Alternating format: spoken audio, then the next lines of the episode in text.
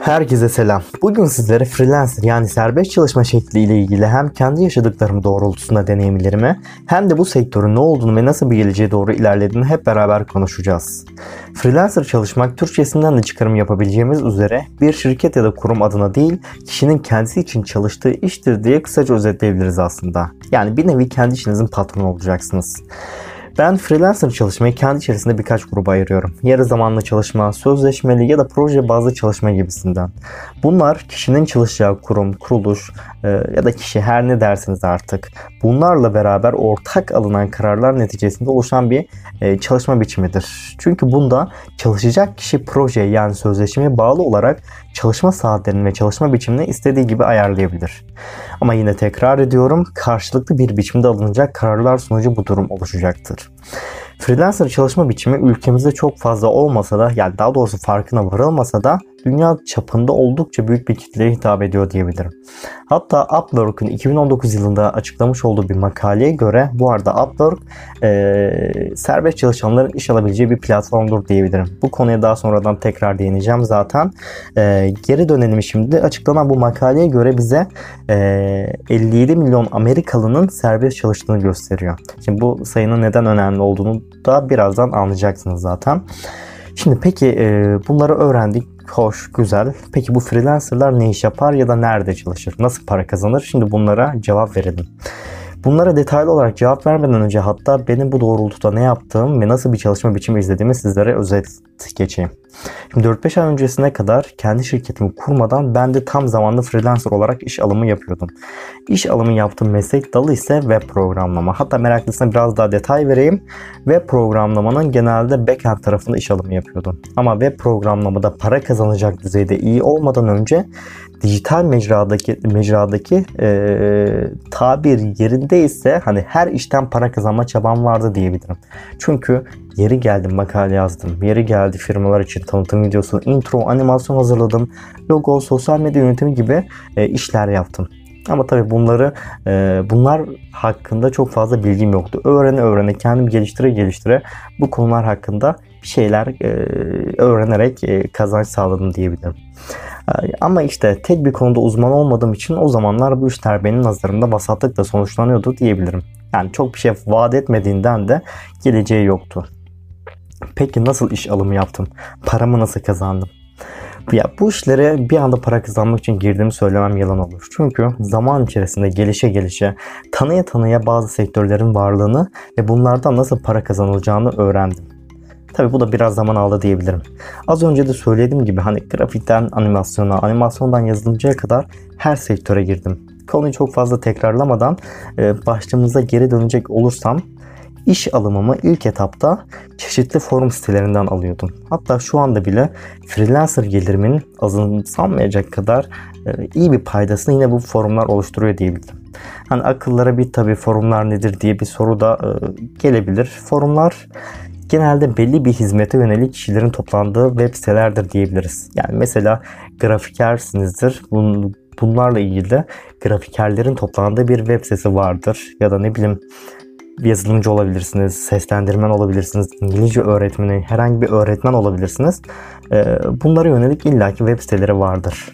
Şimdi kişiler bu, buradan konu açarak ticaret, sohbet, destek gibi ihtiyaçlarını başka kişiler tarafından karşılayabiliyorlar. Siz onlara yardım edebiliyorsunuz, onlar size yardım edebiliyor. Bir ticaret ve e, destek ortamı, sohbet ortamı oluşuyor diyebilirim. Belki de duyanınız vardır. Türkiye'de reon.net e, forum sitelerinin başını çekiyor diyebilirim. Hatta Türkiye'yi bir yana bırakalım. E, dünyanın en aktif forumu bile diyebilirim. Bunların yanı sıra eş, dost, akraba e, gibi kesimler de bu konuda oldukça önemli e, bir yere sahip. Çünkü e, vereceğiniz hizmetin e, çevrenizdeki kişilerin ihtiyaç duyduğu hizmetler olabilir. Hani kendinizi pazarlamadan önce yakın çevreden başlamalısınız diyebilirim.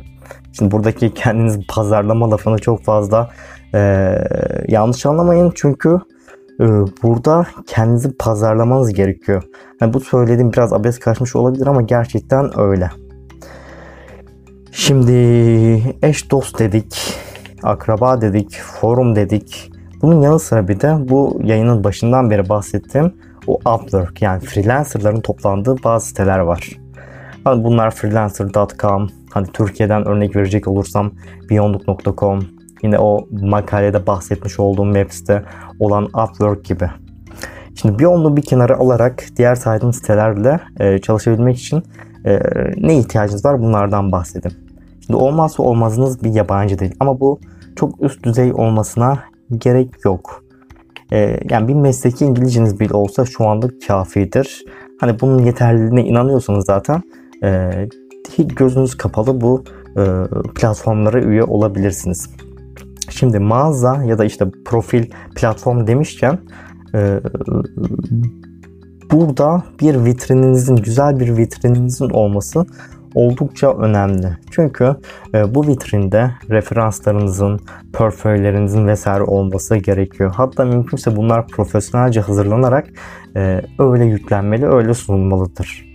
Vitrininizi hazırlamadan önce e, bana kalırsa önce bir rakiplerinize bakıp onlardan farklı bir şeyler ortaya koymaya çalışın ki farklı kişiler tarafından tercih edilebilirsiniz. Aksi halde açtığınız ile kalır.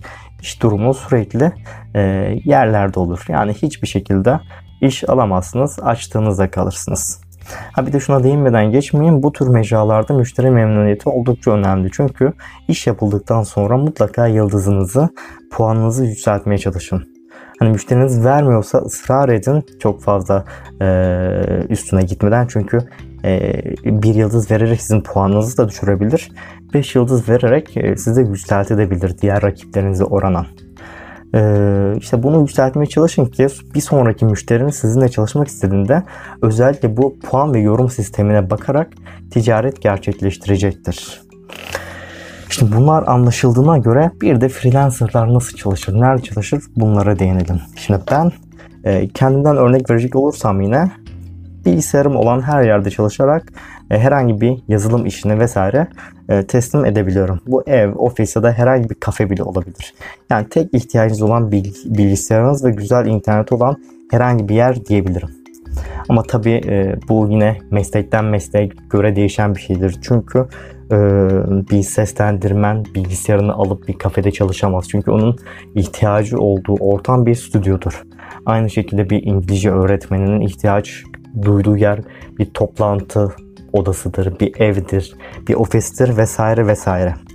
Hani bunları hesaba katarak ya da ne bileyim güzelce vitrininizi oluşturarak, yakın çevrenizden başlayarak vesaire freelancer çalışmaya başlayabilirsiniz. Hani şu an yetkin olduğunuz bir konu yoksa bile o konu hakkında önce kendinizi geliştirin. Para kazanabileceğinize inanıyorsanız öyle adım atın derim. Bir de şuna değinmeden geçemeyeceğim çoğu kişi arasında freelancer çalışma biçimi bir kariyer hedefi olarak görülmekte. Bu tamamen yanlış. Çünkü e, yayın sırasında sık sık değindiğim gibi freelancerlık bir meslek dalı ya da bir uzmanlık alanı değildir. Bir çalışma biçimidir. Bu yüzden kariyerinizi hizmet vermiş olduğunuz alanda kendinizi geliştirerek yapın. Yayınımı dinlediğiniz için çok teşekkür ederim. Bir sonraki yayında görüşmek üzere. Hoşçakalın.